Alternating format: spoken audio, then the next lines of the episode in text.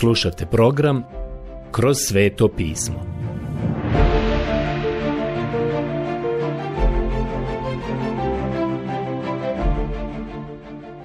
Knjiga Izlazak. Odlomak Izlazak, poglavlje 18 od prvog stiha do poglavlja 19 petog stiha. Sada smo došli do posljednjeg od sedam iskustava koje su djeca Izraelova imala između Egipta i planine Sinaj. I svako od tih iskustava, kao što smo i ranije vidjeli, ilustruje današnje kršćansko iskustvo. Vidjeli smo u ovih šest da imamo paralelu i korelaciju sa današnjim kršćanima, a to naravno vrijedi i za ovo posljednje iskustvo. Jitro u posjeti Ovdje nam je opisana posjeta Jitra, midijanskog svećenika. Jitro je bio Mojsijev tast i sada je došao da ga posjeti, Sada želim da to obradimo i počet ćemo čitati od prvog stiha 18. poglavlja pa nadalje. Kad Jitro, midijanski svećenik, Mojsijev tast, doću sve što učini Bog Mojsiju i Izraelu, svom narodu, da izvede gospodin Izraelce iz Egipta, uze Jitro tast Mojsijev sa sobom Mojsijevu ženu Siporu, koju je on bio poslao natrag i oba njezina sina. Jedan od njih zvao se Geršon, jer je bio rekao, tuđinac sam postao u tuđoj zemlji, a drugi Elijezer, jer je bio rekao, Bog oca mojega bio je moja pomoć i izbavio me od faraonova mača. I dođe Jitro, Mojsijev tast, s njegovim sinovima i ženom k Mojsiju u pustinju, gdje se bio u taborio na Božjoj gori. On poruči Mojsiju, ja, tast tvoj Jitro, dolazim k tebi s tvojom ženom i soba njena sina koja su kod nje. Mojsije se diže i izađe u susret svom tastu. Nakloni se i poljubi ga. Tada se upitaše za zdravlje i uđoše u šator. I Mojsije ispripovijedi tastu sve što učini gospodin Faraonu i Egipćanima zbog Izraelaca i sve nevolje što su ih bile pogodile na putu i kako ih je izbavio gospodin. Jitro se radovao svemu dobru što ga je gospodin bio iskazao Izraelcima, kada ih je izbavljao iz vlasti Egipćana. Tada reče Jitro, blagoslovljen da je gospodin koji vas izbavi iz vlasti Egipćana i Faraona i narod spasi iz vlasti Egipćana. Da je gospodin veći od svih bogova, vidim sad iz toga što se dogodilo, kad su se oni onako oholo ponašali prema njima. Jitro, Mojsijev tast, Prinese tada Bogu žrtvu paljenicu i klanicu.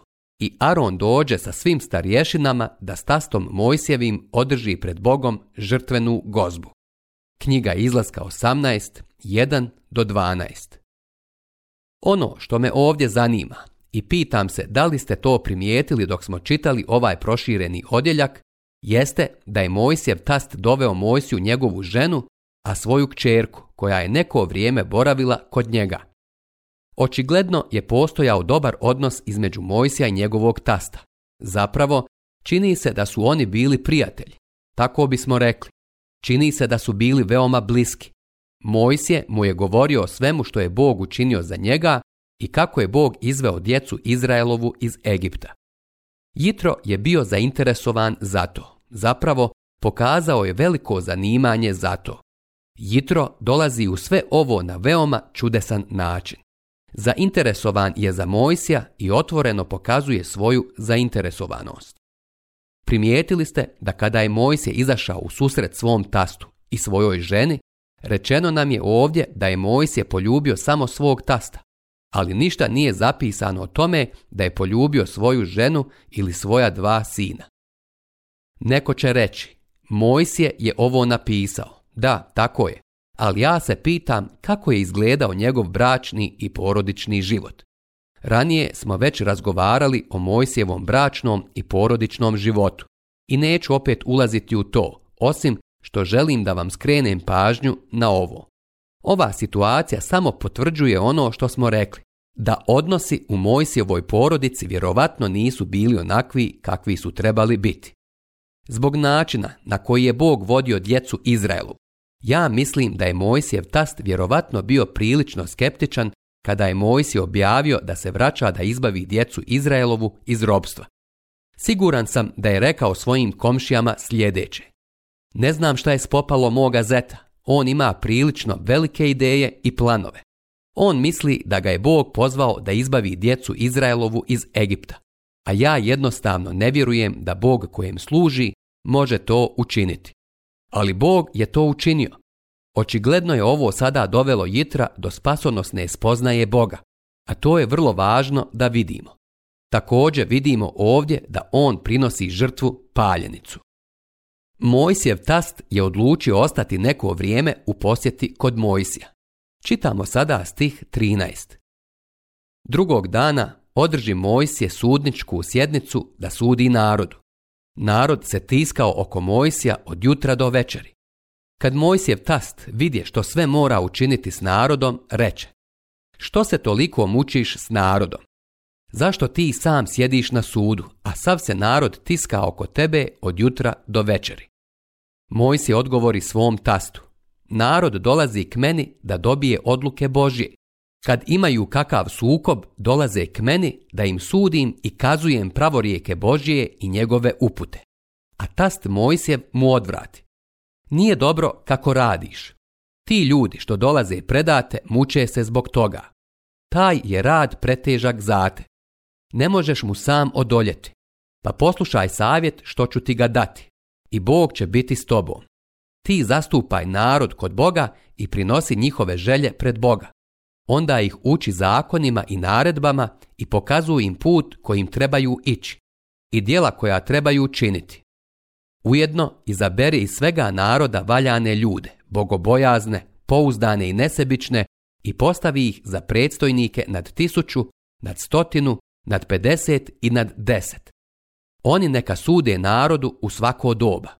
Svaki važniji slučaj neka ipak predaju tebi u stvarima manje važnim neka odlučuju sami. Tako olakšaj sebi teret. Neka ga nose s tobom. Ako tako učiniš i Bog ti to dopusti, moći ćeš izdržati i sav će taj narod zadovoljan otići kući. Mojs je posluša savjet svog tasta i učini sve što mu savjetova. Iz svega Izraela izabra Mojs je valjane ljude i postavi ih za predstojnike narodu nad tisuću, nad stotinu, nad 50 i nad 10. Knjiga izlaska 18, 13 do 25. Neko će sada reći, šta je loše u ovome? Izgleda da ti misliš da ovdje nešto nije u redu. Mogu vam reći da na površini sve izgleda u redu. Mojsija je njegov tast očigledno jako volio. Imao je veliko poštovanje prema njemu i bio je oduševljen njime. Sada je došao kod Mojsija u posjetu i doveo mu je ženu, pa je nekoliko dana ostao u posjeti i boravio kod njega. Za to vrijeme je vidio koliko je Mojsije zauzet suđenjem ljudima, pa mu je došao s prijedlogom da mu olakša obaveze i terete. Sada će neko da kaže, šta ima loše u tome? Uopšte mi se ne čini da tu ima nešto radikalno pogrešno. Postoje dvije vrste mudrosti na ovom svijetu. Neko je rekao, neki pjesnik je rekao, kada je neznanje blaženstvo, tada je ludost biti mudar. Zapravo, ovaj odlomak ovdje uči kada je glupo biti mudar. Ono što je Mojsijev tast sugerisao, bila je mudrost ovoga svijeta. To nije bila Božja mudrost. To nije bilo ono što je Bog želio učiniti. Ovaj događaj otkriva kako je lako prihvatiti mudrost ovoga svijeta i slijediti obrazac svijeta, a ne gledati u Boga.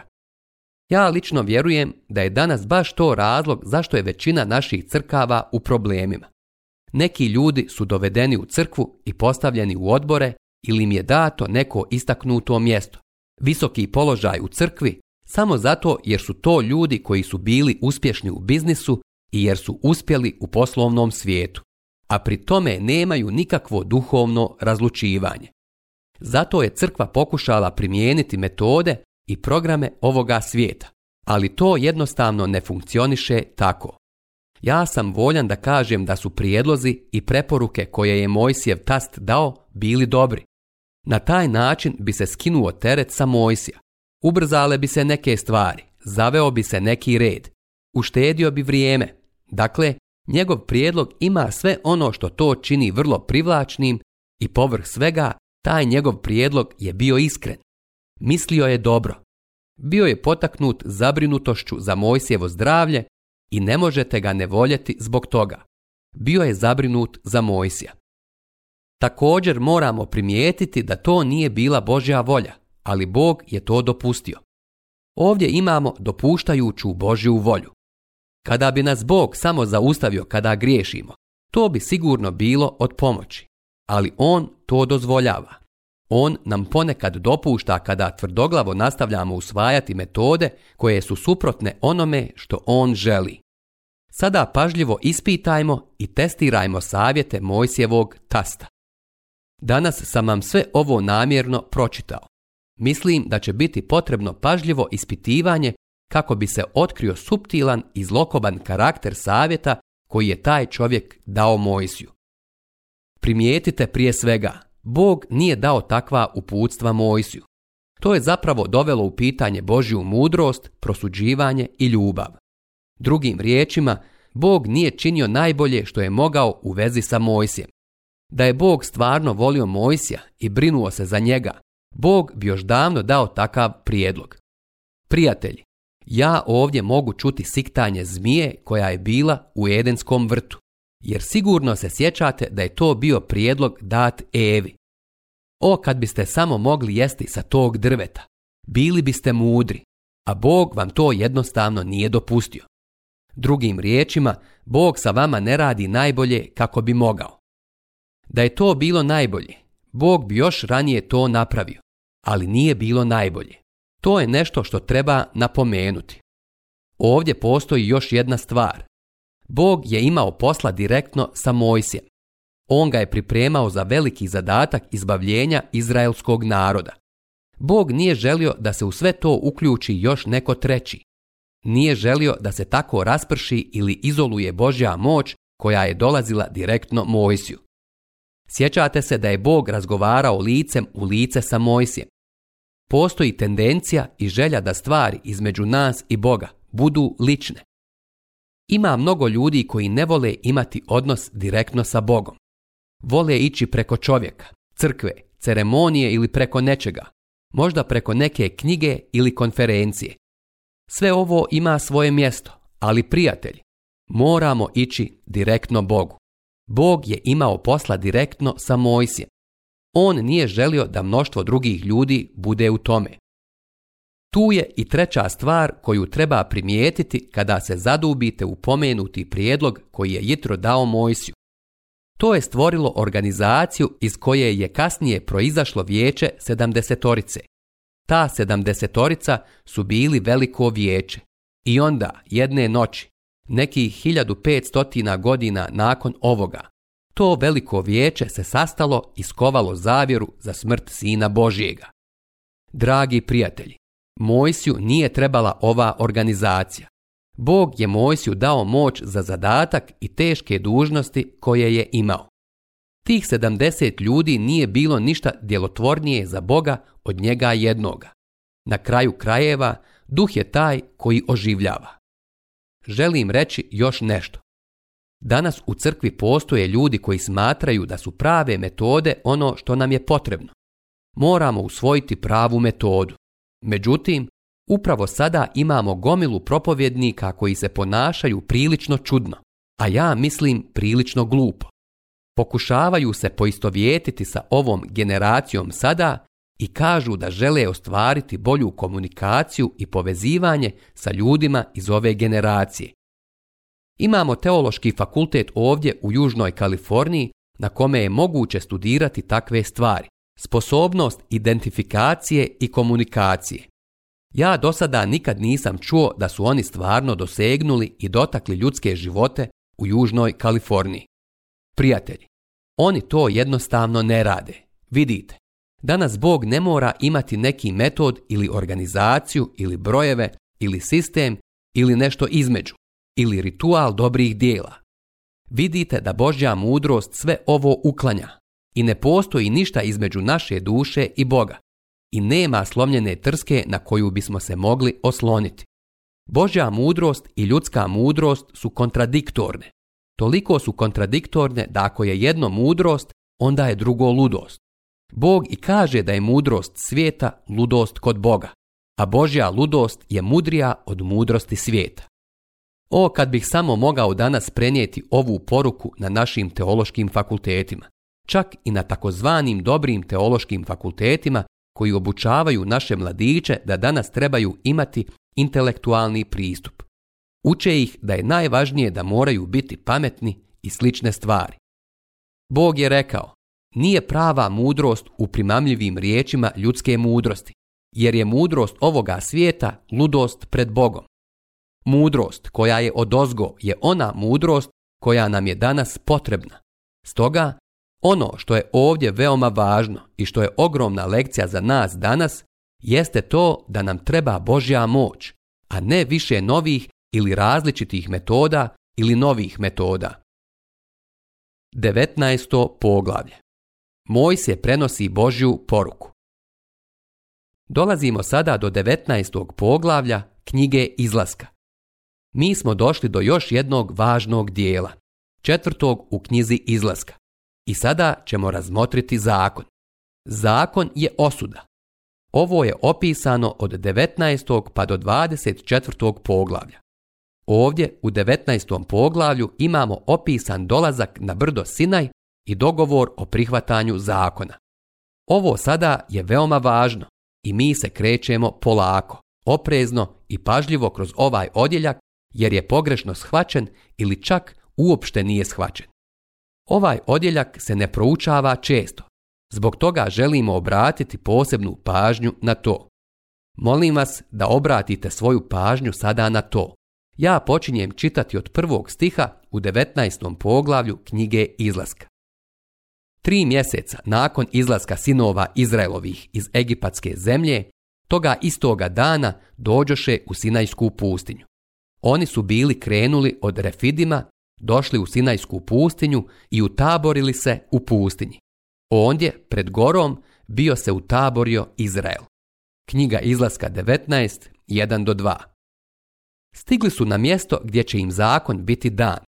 Bog će sa tim ljudima postupati vrlo milostivo i dati im priliku da odluče žele li nastaviti onako kako su se ponašali kada ih je izveo iz Egipta ili žele prihvatiti i primiti zakon. Stoga, pogledajmo ovo što je upravo sada ovdje pred nama. Jedan veoma važan odjeljak.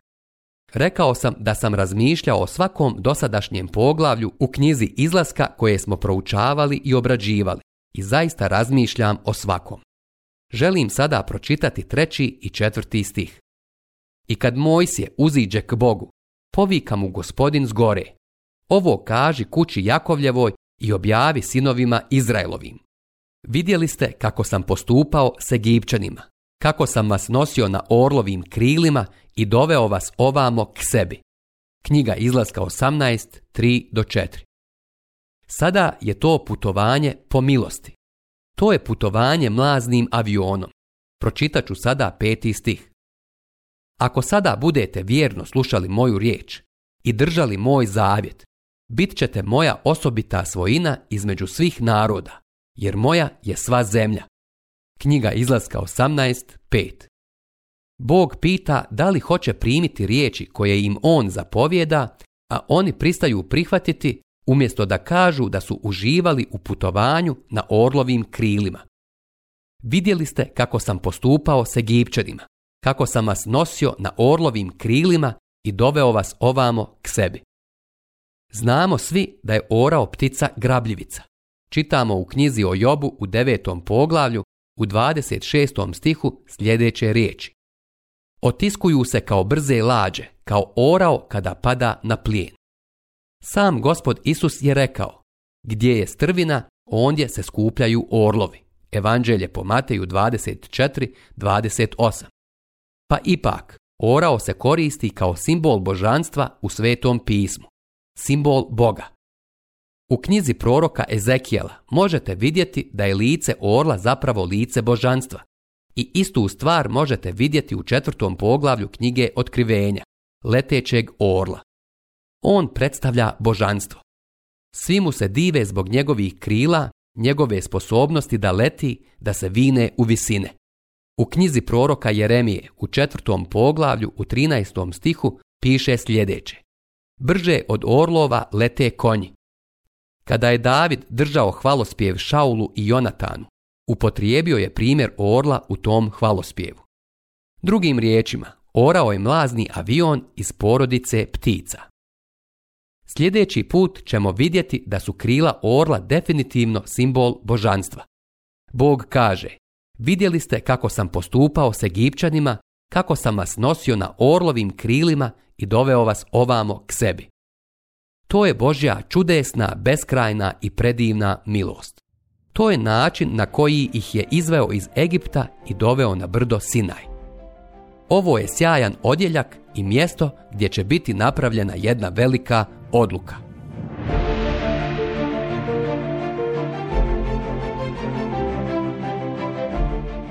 Slušali ste emisiju Kroz sveto pismo. Možete nas slušati i na našem YouTube kanalu putem mobilne aplikacije, te na svim glavnim podcast platformama kao što su Google, Apple i Spotify. Ako vam se naši programi dopadaju, preporučite ih i podijelite s drugima. Budite slobodni da ostavite svoj komentar ili nam pišite na našu e-mail adresu kroz svetopismo.bih at gmail.com Zapratite našu stranicu kroz sveto pismo BiH na Facebooku, i na Instagramu.